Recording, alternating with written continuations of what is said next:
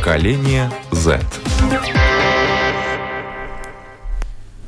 Здравствуйте, с вами Марина Талапина. Спасибо, что смотрите нас, что слушаете нас. Режиссер программы Роман Жуков, звукооператор Регина Безаня. И я напоминаю, нас можно найти э, во всех подкастах, на всех платформах, включая Spotify, Google, Apple подкасты, конечно, на нашем сайте lr4.lv. Нас можно не только слушать, нас можно и видеть. И э, о чем мы сегодня будем говорить, конечно же, о событиях в Украине, которые заставили задуматься о многом, в том числе о вещах, которые в мирное э, время, возможно, воспринимаются очень теоретически, где-то вызывают улыбку, но на самом деле в такое время, в котором мы с вами сейчас живем, приобретают совершенно другой э, смысл. И люди, для которых мир вокруг превратился в вой сирен, в обстрелы, и на первый план у них, естественно, выступают вопросы, как защититься от э, кошмара, как защитить своих близких, как защитить свою родину и что это значит для наших ребят, как это понимают молодые ребята в Латвии, кто и чем кому может помочь. Об этом мы говорим сегодня в программе «Поколение Z», и я рада представить со мной в студии Арела Морейда. Привет. Здравствуйте. Также с нами на связи Элизабета Гудила – Здравствуйте. И э, Михаил Олехов из Праги. Миша, привет. Здравствуйте, дорогие зрители, слушатели. Ребят, вот, э, наверное, Арела, с тебя начнем. Э, как вы вообще, как ты, твои близкие восприняли ту ситуацию, которая развернулась на прошлой неделе? Конечно, все были шокированы. Начнем с этого, потому что никто не ожидал. Последнее, что говорили э, политики России было, что, конечно, если мы сейчас начнем войну, то следующий бой будет э, камнями и палками. Поэтому все до последнего надеялись, что такого не произойдет. И в утро, когда я проснулась и увидела эти новости, у меня первые 15 минут, наверное, это было непринятие, и также я думаю, что это было у 90% людей, которые не слышали воя сирен, а открыли, открыли социальные сети, увидели это и поняли, что там их близкие, родные. Вначале это всегда шок, э, потом это понимание ситуации, начало размышлений над тем, что будет дальше и какие конкретные мои действия, действия моей семьи и моих близких в сложившихся обстоятельствах. Шок, расстройство ужасное и злость отчасти. Разный, разный спектр эмоций, которые все люди испытывают в данной ситуации. Лиза, как у тебя? Я была вместе со своей семьей тоже очень-очень сильно шокирована, потому что у нас там живут родственники, а, то есть они сейчас, а, по сути, очевидцы всего того, что там происходит. И когда мне папа об этом сообщил с утра, я тоже вначале не поверила, и мой первый вопрос был, что значит «началось», когда папа сказал, что там началось. Вот. И я до того, как не приехала в школу, я не открывала новости. Я думала, что это что-то неправда. Вот, а потом в итоге пришлось, и вот мы уже который день постоянно связываемся с родственниками, переживаем, ну, это даже нельзя назвать простым переживанием, то есть это что-то большее. Вот. Это постоянно напряжение и тревожность. В каком городе они живут? Э, что они говорят? Они живут э, в Сумах. Они живут в Сумах э, и в Недригайлове. Э, ну вот э, в Сумах сейчас э, находится боевая техника, это то, что они говорят. Вот. А в Недригайлове вроде как э, более спокойно. Миша, ты сейчас в Праге учишься. Как там? Как эта новость а... дошла до тебя и как реагируют простые люди? Я скажу так, что а, для, для меня эта новость дошла, как и до большинства я смотрел социальные сети, и в четверг, когда это впервые прочитал, я в это вначале не поверил, потому что как в таком может поверить, что просыпаешься и уже, по сути, ты находишься в другой реальности, где все, все возможно. А в течение дня я уже убедился в том, что все-таки, к сожалению, это правда. И тут сразу и начались акции в поддержку, в солидарность Украине а, потому что в Праге представлена достаточно широко украинская диаспора. А, несколько тысяч людей вышло на демонстрации в поддержку. Была информация и... о том, что 80 тысяч человек вышли на демонстрацию в поддержку Украины в Праге. Не, не знаю, было ли там 80 тысяч, но, э, но было очень много людей. И я скажу, что это, конечно, шок, это неприятие, первая стадия, потом а, конечно же, опустошение, потому что ты не знаешь, если у меня нету там родных, но все равно у меня есть друзья, знакомые, и при этом ты не можешь, ты еще до конца не можешь в это поверить, хоть уже и как бы все подтверждения есть, и как бы все это такое наваливается, потом ты начинаешь, как многие начинают говорить, что они испытывают стыд, у меня такого состояния не было. Но при этом это какая-то черная, черная пустота поначалу. То, что касается что... Чехии, вот те новости, которые приходят по лентам э, информационных агентств, э, Чрезвычайный исполнительный комитет футбольной ассоциации Чешской Республики Э, буквально накануне 27 февраля сообщил следующее, что футбольная ассоциация Чешской Республики единогласно одобрила решение о том, что сборная Чехии ни в коем случае не будет участвовать в соревнованиях против сборной России. И э, в Чехии также открыта линия психологической поддержки русскоговорящих иммигрантов. Линия бесплатная психологической помощи создана для людей, кому сейчас плохо, кому страшно, кто испытывает сложные и трудновыносимые эмоциональные переживания из сложившейся в мире ситуации. Такую же помощь готовы оказывать психологи в разных европейских странах. Э, поэтому, если вам необходима помощь, обязательно ее ищите, спрашивайте, вам обязательно помогут. И мы связались в э, первый же день войны и поговорили с жительницами Украины. И сейчас э, я попрошу включить э, Веру Грузову, ей 33 года, она живет в Одессе, воспитывает ребенка, занимается организацией образовательных программ. И женщина рассказала, что решила остаться в городе. У нас есть в Одессе центр Майнспот, и работаю сама как инструктор mindfulness. Я занимаюсь, организовываю разные обучающие программы. Такая мирная работа у меня.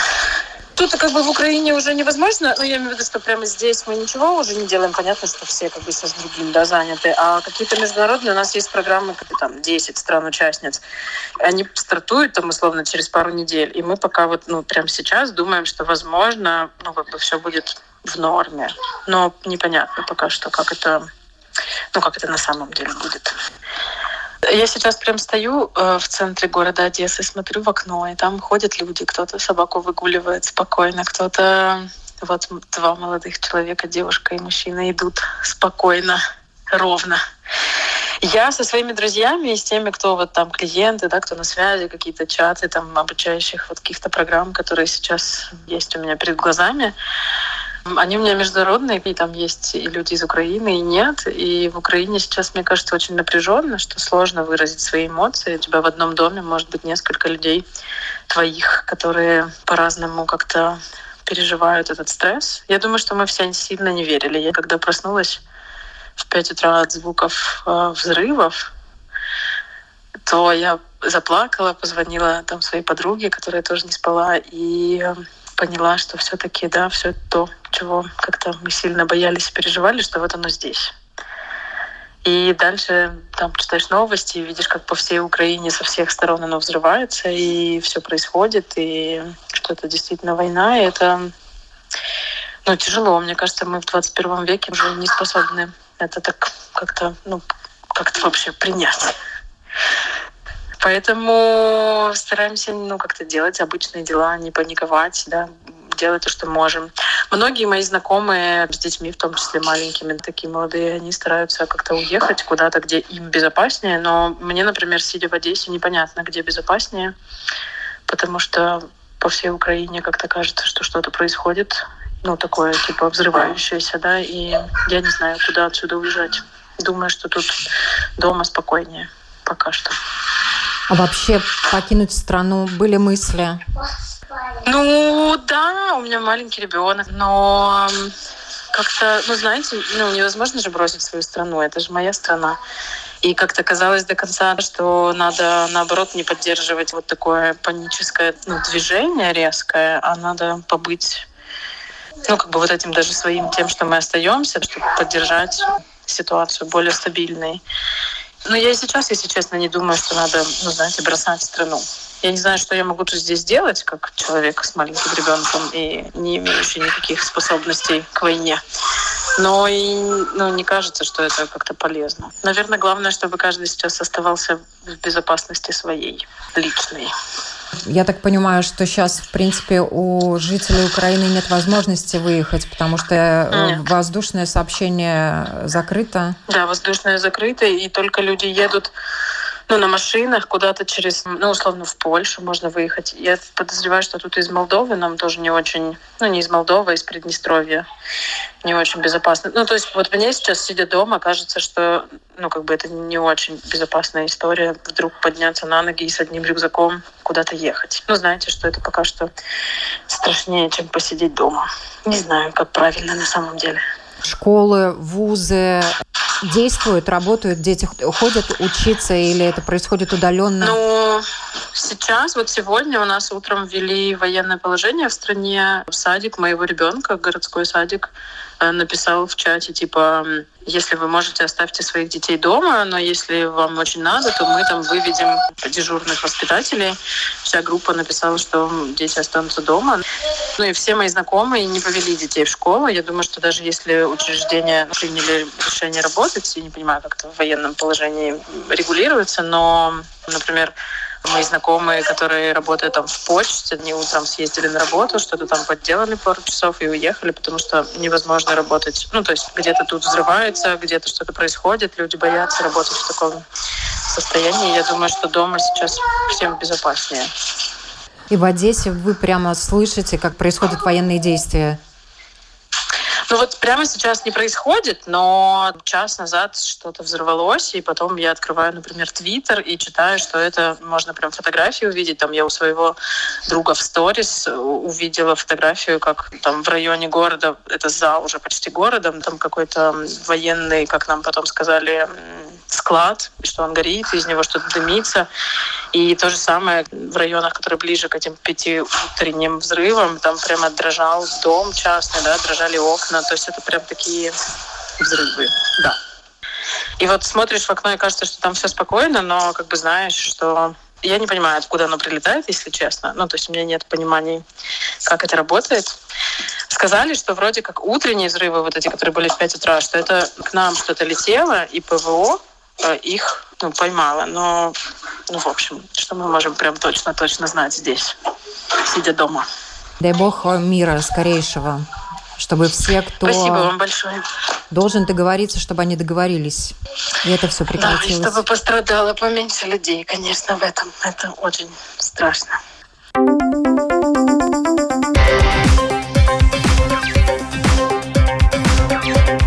Поколение Z. И еще один комментарий от Елизаветы Пидопрыгорой. Ей 20 лет, она живет и учится в Киеве. Учеба сейчас прервалась, но молодежь не сидит, сложа руки. Я студентка последнего курса. Учу международную экономику в Тарасе Григорьевича Шевченко университете национальном киевском. Э, я также волонтер волонтеры в организациях э, Erasmus Student Network Киев, была президентом этой организации. Также я активистка, состою в организациях «Украинские студенты за свободу», которые борются за индивидуальную экономическую свободу в Украине. Так что, в принципе, это моя основная деятельность. Также я сейчас еще работаю в компании социального медиа, называется «Платформа». Это моя основная деятельность на данный момент. Это непосредственно сегодня, чем вы занимаетесь? Э, студенты учатся или вузы тоже прекратили Нет. свою работу? У меня сейчас в университете нет учебы, у нас практика сейчас проходит. То есть я должна была бы сейчас проходить свою практику, но мы этого не делаем. В 5 утра я проснулась от того, что у меня за окном были слышны звуки взрывов. И я разбудила свою семью, мы начали собирать вещи, чтобы подготовиться к тому, чтобы, если что, приходить в бомбоубежище. Есть младший брат и сестра, они не пошли в школу. Мы собрали оперативно вещи. Также я забрала друзей. У меня есть друзья, которые в Киеве, но которые не с Киева, то есть у них нет здесь родных, они сами. Я забрала своих друзей к себе, и мы сейчас активно, пока у нас спокойно, ну, время от времени слышно бомбы, но занимаемся, каждый продолжает работать. У меня друзья журналисты, мы пишем новости, мы проверяем новости на фейковость. Я лично сейчас помогаю собрать деньги для армии. Также я пишу своим всем международным друзьям про то, что у нас происходит. Также прошу, если у них есть возможность, задонатить деньги на украинскую армию. Мы ищем для армии там, что, что нужно купить. Так что это, в принципе, то, чем я сейчас занимаюсь. Но также мы, конечно же, поддерживаем своих родных, у которых паника. Но мы сохраняем, в принципе, спокойствие. Потому что, честно, я вам скажу, так приятно читать сообщения о том, что наши войска, они отбиваются, и когда ты слышишь взрыв, а ты и потом читаешь новость, что это наши войска отбили самолет, который летел бомбить Киев, это, ну, это очень приятно. Понятно, что никто не хочет войны, и все хотят мира. Вот как вы видите вообще выход из этой ситуации? Каким он сейчас уже может быть, когда он достиг вот этого апогея? Я вам скажу так, мы не хотим войны, но если нашу свободу будут забирать, мы будем воевать за нее. Мы по-другому не будем. Поэтому выйти из этой ситуации есть только два варианта, я думаю. Либо Россия остановится, потому что на нее так нажмут санкции, и они просто испугаются того, что мы действительно очень сильные, мы отбиваем их войска. То есть это первый вариант, например. Либо второй вариант, они не будут останавливаться и не знаю, где, но найдут еще силы пробираться дальше. И тогда, ну, если мы вдруг, что я сомневаюсь, не будем справляться сами, то ну, у нас тут на территории нашей страны будет уже война не между Украиной и Россией, а между Западом и Россией, потому что следующий после Украины это Европейский Союз, и никуда никто не убежит. И если мы здесь не отобьемся, то войска пойдут дальше. Вот, поэтому во всех интересах остановить их. Вы со своими друзьями, знакомыми, ребятами молодыми готовы взяться за оружие и воевать? Я правильно понимаю? Сейчас мы помогаем тем, чем можем, именно знаниями. Мы поднимаем и собираем деньги. Но, в принципе, да, я уже посещала на днях э, территориальную оборону города Киева. Я знаю, куда идти. У нас рядом тут военкомат. Мы сейчас э, думаем идти сдавать кровь. У нас организовываются пункты. И, в принципе, да, мы будем идти на территориальную оборону Киева и да, оборонять свой город, потому что бежать, вы понимаете, бежать некуда. Много народу уехало ну, я не могу сказать статистику, но говорят, что много, да, у нас большие пробки стоят на выезд из города, да, много выезжают. Но выезжать, честно, некуда особо, потому что везде ситуация неспокойная. Даже все люди едут во Львов, но там на Западе тоже присылают ракеты с Беларуси. Сейчас учеба, школы, вузы, все это остановилось. Да, ну, вообще думали, что будет онлайн-образование, в принципе. Например, школа сказали, что перевели на дистанционку, но я вижу, что уроки не проводят. Но, например, в нескольких университетах таки проводят онлайн-занятия. Я не знаю, какого они качества, ведь действительно ли их проводят, но я слышала, что у некоторых моих друзей есть занятия. Люди также работают. Например, вот магазины, у нас ничего не остановилось работать. Аптеки, все работает. Ну вот почта наша, новая почта, это наша почта, которая, в принципе, быстрее всего все привлекает, они перестали работать. Это, конечно, конечно, да, неприятно. Но в большинстве случаев транспорт работает, метро работает, все работает. Люди пытаются жить нормальную жизнь, но, конечно, когда ты слышишь взрыв за окном, не очень получается.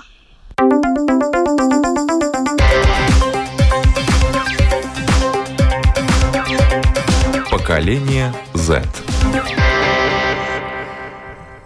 Я напоминаю, эти интервью были взяты в первый день э, войны в Украине, поэтому, конечно, э, вот э, Лиза из Киева рассказала, что она со своими друзьями готова взять оружие, оборонять Киев. Возможно, они уже это сделали и уже взяли. И вот, а что для вас, ребят, означает э, слова «защищать родину», «защищать свой город»? Рела, давай ты. Um, в первую очередь, наверное, верить в правду – да, и верить в правду до конца, и верить в то, что нет ничего важнее, чем э, единство народа, да, и если держаться друг за друга и держаться за правду, за свою свободу настолько искренне, насколько мы видим, это делает народ Украины, то можно, можно все, даже то, что изначально кажется невозможным, потому что, ну, как бы посмотреть на ситуацию со стороны, это огромное, огромное государство с очень большими силами военными, которое нападает на маленькую страну, э, которая не, как бы не была, наверное, к этому готова настолько, и мужество людей, и мужество людей, которых мы только что слышали, да, э, которые готовы идти, браться за оружие, девочки, мальчики, молодые, которые не видели войну, да, как наши бабушки и дедушки, к примеру.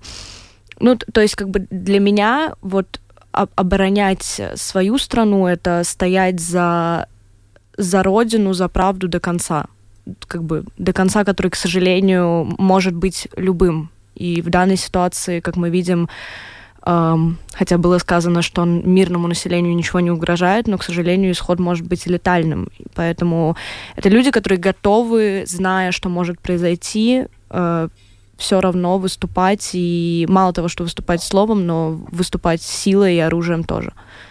Миш. Я а после тако, таких слов ну вот тоже думаю обо всем этом, и мне кажется, очень верно сказано, что надо понимать э, до конца, до конца, что ты защищаешь не себя только, а именно свою идентичность, свою, свою культуру, своих людей. Это, мне кажется, очень один важный момент. Второе – это то, что надо всегда сохранять в себе понимание, что война это плохо, и это тоже держать всегда в памяти, потому что война это не конец, не должен быть концом. И стараться тоже не обозлиться на весь окружающий свет, мне так кажется, в этой ситуации очень сложно для этих людей, которые сейчас на Украине. Но при этом, мне кажется, это тоже такое момент, который нельзя забывать и который надо держать во внимании, что обычные люди, в большинстве сам, они против этих действий, и что это, это именно политика, а не реальные люди и не их настроение. Мне так кажется. Лиза. Такая моя точка зрения. Спасибо, Миш. Лиза. Да, ну я считаю, что в первую очередь э, надо стараться а, не вестись на поводу у пропаганды и которая активно работает в такие моменты, э, и также стараться а, не вестись на попытку раскола общества, э, который тоже происходит э, в, и в данной ситуации, и всегда происходило в подобных ситуациях, потому что если не придерживаться этим двум факторам, то тогда а, какое-то такое военное настроение, военный настрой, он а, начинает появляться в внутри у обычных людей, которые абсолютно никак не связаны ни с политикой, ни с какой-то военной деятельностью, и, соответственно, обстановка внутри страны, она накаляется. Вот, и становится еще хуже это все сдержать, и еще хуже как-то сохранить а, а, свой народ каким-то единым. Вот. Спасибо большое, ребят. Вы очень ценные вещи говорите. И э, каждый день у Дома конгрессов в Риге напротив посольства России, начиная с 24 февраля, собираются люди, и на этой же улице находится посольство Украины. Вдоль всей улицы возлагают цветы, зажигают свечи. Многие машины, которые проезжают, сигналят там также прошел концерт, на котором был э, собран миллион евро в поддержку украинцев. И вчера мы встретили там молодых людей, девушку с Украины, Женю, и нашего латвийского парня Андреса. Давайте их послушаем. Я пришла сюда, потому что я с Украины, и я переживаю за свою родину, переживаю за свою семью, за своих друзей. И я пытаюсь сделать то, что я могу. Э, я пытаюсь обратить внимание э, жителей этой страны поддержать нас и на данный момент вот подписать петицию для того, чтобы перестали бомбить мою родину, моих знакомых, э, моих людей, украинцев. Вот если у вас сейчас наверняка много близких людей там, да, вот что удается узнать вы, наверное, видели по новостям, вчера э, нефтебазу в Василькове э, взорвали, и там начался пожар. Так вот, э, моя подруга, с которой я работала, она находится недалеко, говорит, что слышала этот взрыв, и ее брат в Харькове вторую ночь ночевал в подвале. Прошлый день он не смог купить продукты, потому что началась воздушная тревога, и они спрятались в подвал. А, поэтому а, мы не знаем, что нам несет следующий час, следующий день, и просто надеемся, что очень скоро это закончится, потому что это для 21 века позор и кошмар. Война должна закончиться. Нет войне. Это не, неприемлемо, не, невероятно и ужасно. Украина! Украина! Украина! Украина! Нельзя быть э, как, э, ну, в стороне такой ситуации. Э, мы э, фольклорный э, ансамбль э, Вилкачи, и мы пришли э, поддержать, э, петь э, э, песни украинскому народу, потому что то, что э, сейчас э, происходит, э, я думаю, ну, я думаю, что это просто мы видим, что э, путинский режим э, Кремля сейчас показал свою настоящую э, сторону, и, и, и, и, и, и, и мы должны делать все, что мы можем, э, чтобы э, помочь, чтобы э, сделать все, чтобы э, э, все, вся, вся, вся, весь мир узнал, что, э, что происходит, и что главный агрессор э, это Россия, и, и даже не российский народ, но, но, но путинский режим. И потому мы здесь э, э, делаем то, что можем. И, конечно, слава Украине!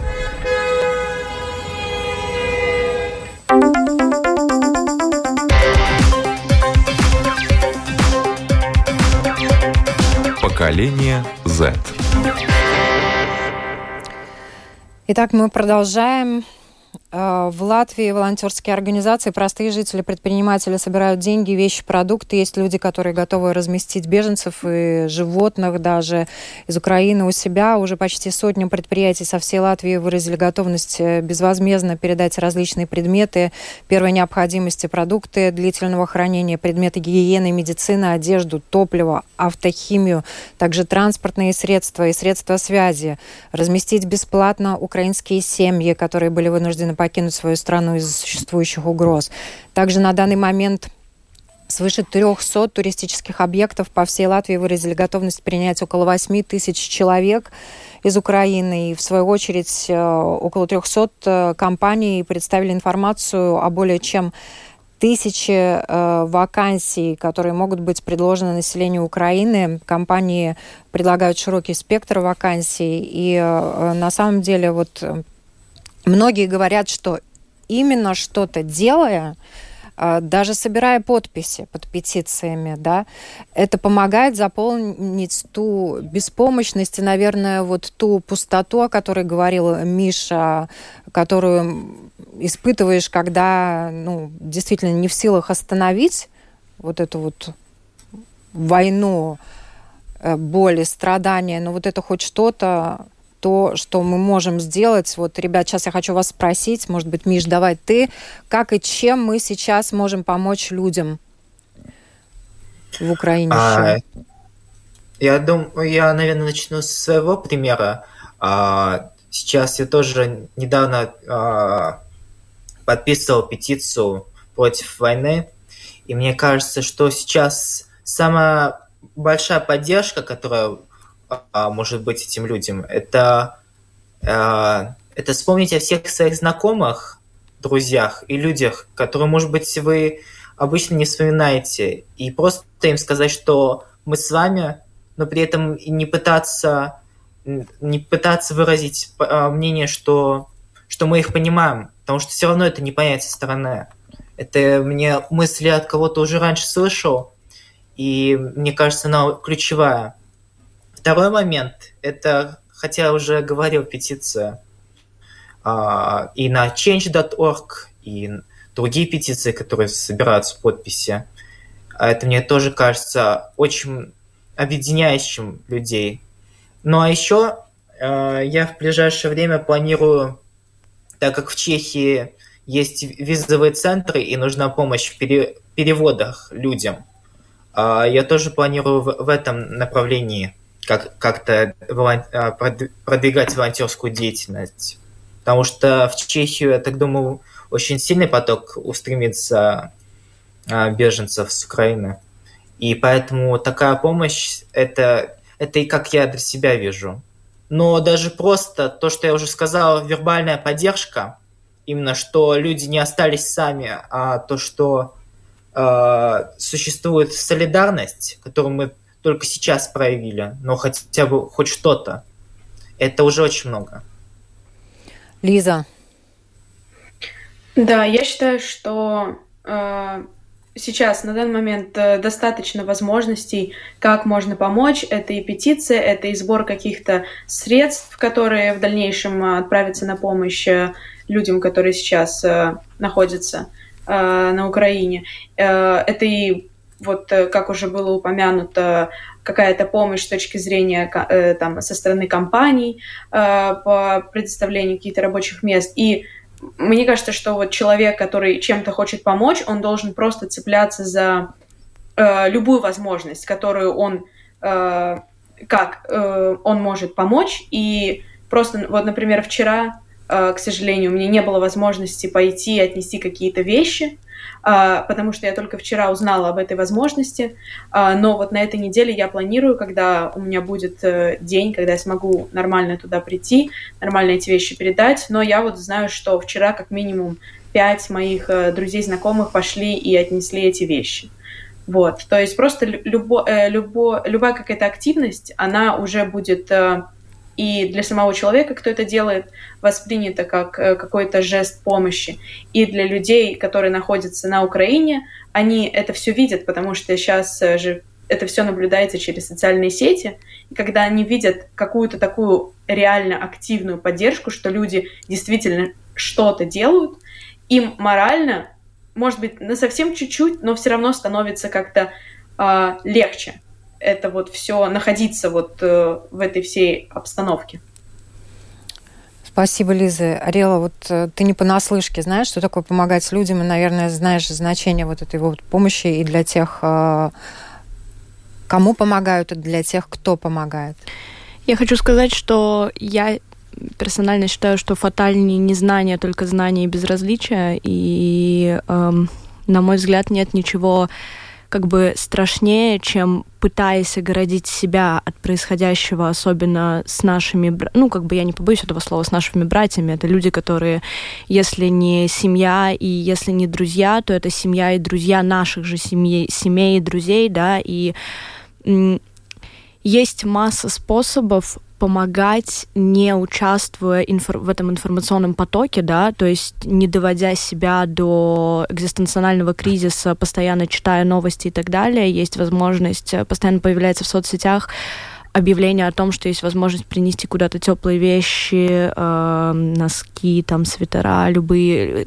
Тем более, тем более, что также мы знаем очень много мест, куда можно переводить деньги, да, даже самое, даже самое маленькое пожертвование, оно может сделать большую разницу, как бы, как бы ни казалось, что это капля в море, это важно. Вообще э, натура человека, она предрасполагает к тому, чтобы помогать, когда ты чувствуешь себя не, как бы беззащитным и неспособным, потому что на данный момент из-за незнания, из-за абсолютного незнания, что нас ждет дальше, потому что ну, как бы любой шаг влево, шаг вправо, это, это может перейти из Украины не хочу, не хочу как бы говорить к нам, но это может пойти дальше, и мы прекрасно все держим эту мысль, к сожалению, на затворках своего сознания. И оставаться в этой ситуации безразличным, не пробуя хотя бы поддержать близких, не пробуя хотя бы спросить, не нужна ли помощь, э, это, это по меньшей мере делает хуже самому себе. То есть если, если кажется человеку, что не участвуя в этом никак, это тебя спасает, я боюсь, что это не спасает в данной ситуации. То есть ты можешь не читать новости, не, не слушать как бы речи Путина, чтобы не загонять себя в еще большую, в еще большую дыру, да, но делать мельчайшие как бы мельчайшие шаги к тому, чтобы э, облегчить ситуацию людям, которым страшно и которые слышат э, взрывы вокруг себя, я считаю, что это наше прямое обязательство. Ну, это, наверное, и есть та гражданская позиция, и тоже входит э, в понимание, в словосочетание «защищать Родину». Да, абсолютно так. И эм, как бы если наша Родина латвийская имеет определенную позицию касательно происходящего в мире, да, на данный момент, то моя прямая гражданская позиция поддерживать э, то, как моя республика решила, и помогать людям, которым моя республика решила помогать. Ну, то есть, как бы это, это мой путь к поддержке моей родины, да. Поэтому, как бы, если мы считаем, что только люди, которые на Украине сейчас берутся за оружие, идут воевать, только они как бы поддерживают родину, нет, мы каждый можем это сделать, как бы оказав маленькую помощь и поучаствовать в общем процессе к тому, чтобы остановить войну, да. Потому что война это не то, чтобы не способ, да, сказать не способ, это не сказать ничего. Война это, это я, я бы сказала, это страшный грех, тем более такая несанкционированная и такая как бы подлая, буквально как будто бы нож в спину своим же, своим же родным. Поэтому, да. Сейчас э, люди не могут, конечно, не следить за информацией, особенно если у них там близкие, и они связываются и с близкими, и знакомыми на Украине, в других странах. С одной стороны, это успокаивает, но ненадолго, да. И общее напряжение, конечно, и тревожность очень сильны да. Вот, ребят, э, вопрос, как можно помочь, что можно сделать, что можно сделать для своих близких, которые, естественно, это нормально, они сейчас все следят, сейчас все следят за этим потоком информации, дезинформации и вбросом. Миш, мне кажется, что, во всяком случае, что бы я делал в этой ситуации, что буду делать, это все-таки стараться иногда выходить из этого информационного поля, потому что, как вы уже говорили, Марина, сейчас медиа и СМИ борются за внимание, и эта информация очень часто противоречива, которую мы получаем. Поэтому как это не сложно было бы, но иногда надо все-таки постараться найти в себе силы не, не заглядывать в ленту, а еще такой момент, это когда кто-то начинает в твоей семье говорить о стыде и о том, что ему стыдно говорить на русском, или ему просто стыдно, то надо как-то искать правильные слова к этому, к этому человеку, потому что что он в этой ситуации может, мог сделать? И как-то объяснить это ему. Потому что, мне кажется, многие сейчас это испытывают, не обязательно русские по национальности, но русскоговорящие. И этот момент – это путь в никуда. Потому что, наоборот, как уже говорили сегодня в передаче, мы можем каждый что-то сделать. Даже самое маленькое усилие – это будет подтверждение нашей гражданской позиции, которую мы строим сами. Арил, я думаю, что тут нельзя не согласиться, правильно? Тут да, да. И у меня есть что сказать касательно вообще, в принципе, потока информационного и соцсетей, да. Эм, э, что самое ужасное, это когда ты с утра после сна открываешь телефон, и то, что ты там видишь, это взрывы, и это, это страх людей, это для меня еще очень страшно видеть, как моих знакомых в России, которые выходят на мирные протесты, сажают в автозак и увозят. Тысячами. И... Это молодые ребята в основном. Абсолютно. И эм, я, я даже не знаю, что страшнее, видеть, как люди пытаются бороться за свою гражданскую позицию в России, и как у них нет не то чтобы права слова, а даже права просто выхода и присутствия на мирном протесте или, или видеть взрывы. Не, ну, конечно, видеть взрывы, видимо, но э, то, что я могу посоветовать, имея некоторый опыт э, работы с э, утренними новостями, да, э, первые полчаса с момента, как ты проснулся, не брать в руки телефон. Все что угодно. Может быть, купить э, будильник, который звонит не в телефоне, а просто обычный старый добрый будильник, просто чтобы первое, что ты видишь с утра, после того, как ты проснулся, не были новости в телефоне. Потому что м- с утра э, у тебя очень, у каждого человека очень чистый мозг, да, после сна, после очень большого промежутка времени, когда мозг отдыхает, и первое, что ты туда закладываешь, это то, с чем ты пойдешь через этот день. А испуганные мы никому не поможем. Испуганные, нервные, вот в этом вот состоянии стресса очень мало толку от нас, да, тем более, что мы не находимся -тьфу, там в разгаре событий, мы не находимся в Киеве, мы не находимся в аэропорту, мы, мы находимся дома, и от нас самый большой толк, когда мы сохраняем спокойствие. А спокойствие мы можем сохранить только в том случае, если мы свой день начинаем с себя, а не с новостей в телефоне. Поэтому я лично могу посоветовать полчаса проводить за завтраком, за книгой, э, может быть, даже за просмотром серии любимого сериала, все что угодно, но сначала твоя голова должна проснуться чисто и без всего этого, и только потом уже эм, на, так сказать, сознание, которое готово принимать и отсекать, фильтровать информацию, только потом уже открывать телефон, открывать телеграм-каналы, открывать Инстаграм и смотреть все, что там происходит. Спасибо. Лиза, как ты, может быть, уже помогаешь своим близким справляться со стрессом и напряжением? Да, ну, вот в первую очередь э, это, конечно же, э, фильтровать информацию, то есть э, фильтровать э, ту медиа, за которыми мы наблюдаем, да.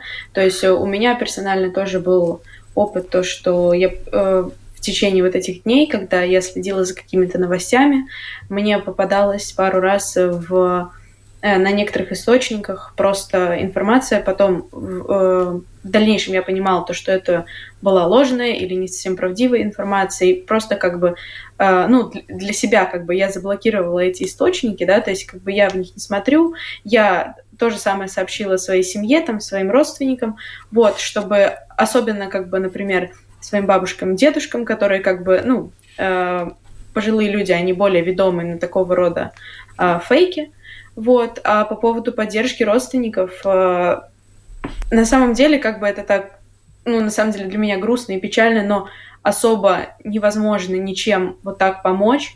Возможно, для них, э, конечно, является какой-то такой поддержкой то, что в любом случае мы каждый день с ними на связи, но это абсолютно такая прям минимум-минимум того, что мы можем сделать, а больше этого минимума, вот сидя здесь, как бы дома, мы ничего не можем сделать.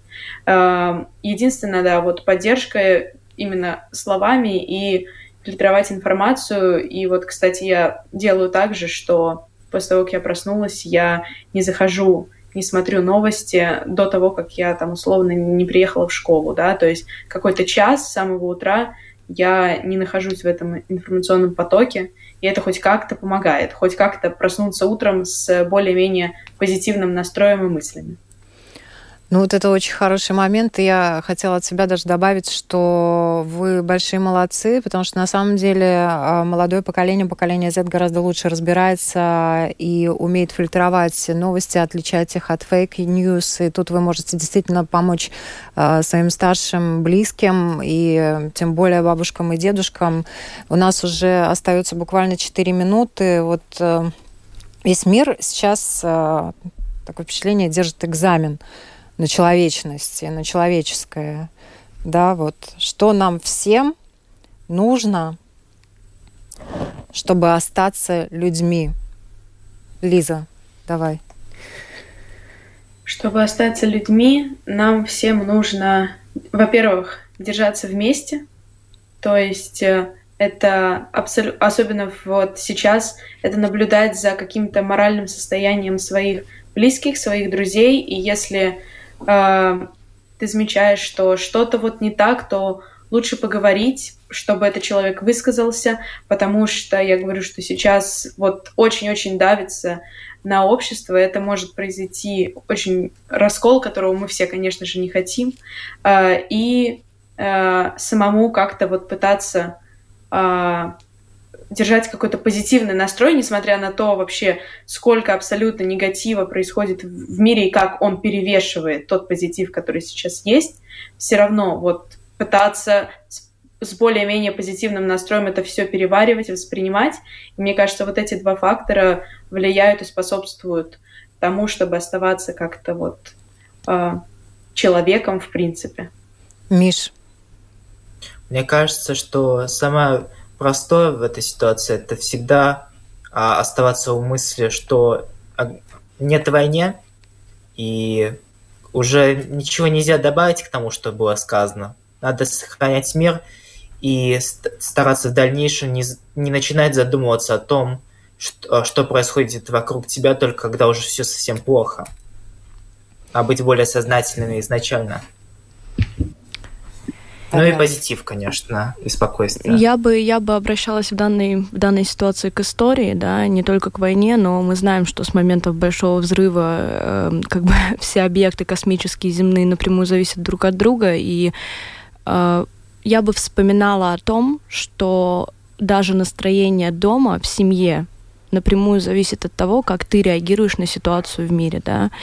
И первое это поддержка, да, потому что мы не знаем, что произойдет завтра. Второе это любовь к жизни и благодарность за то, что у тебя есть каждую минуту, пока ничего не изменилось и дай бог не изменится, но как бы нет, нет ничего важнее благодарности, да поддержка, благодарность и вера в светлое будущее, понимание того, насколько ты на самом деле важен и насколько от твоих реакций может зависеть, э, может зависеть реакция и чувство твоих близких. Спасибо большое, ребята. Я надеюсь, что мы э, сделали э, маленький вклад да, послали мысленно всем мира и добра, и э, к войне и раз прям тянется глупец, как говорится, а к добру и миру тянется мудрец. Будьте, пожалуйста, мудрее. Всем нам мудрости, здоровья и чистого неба над головой.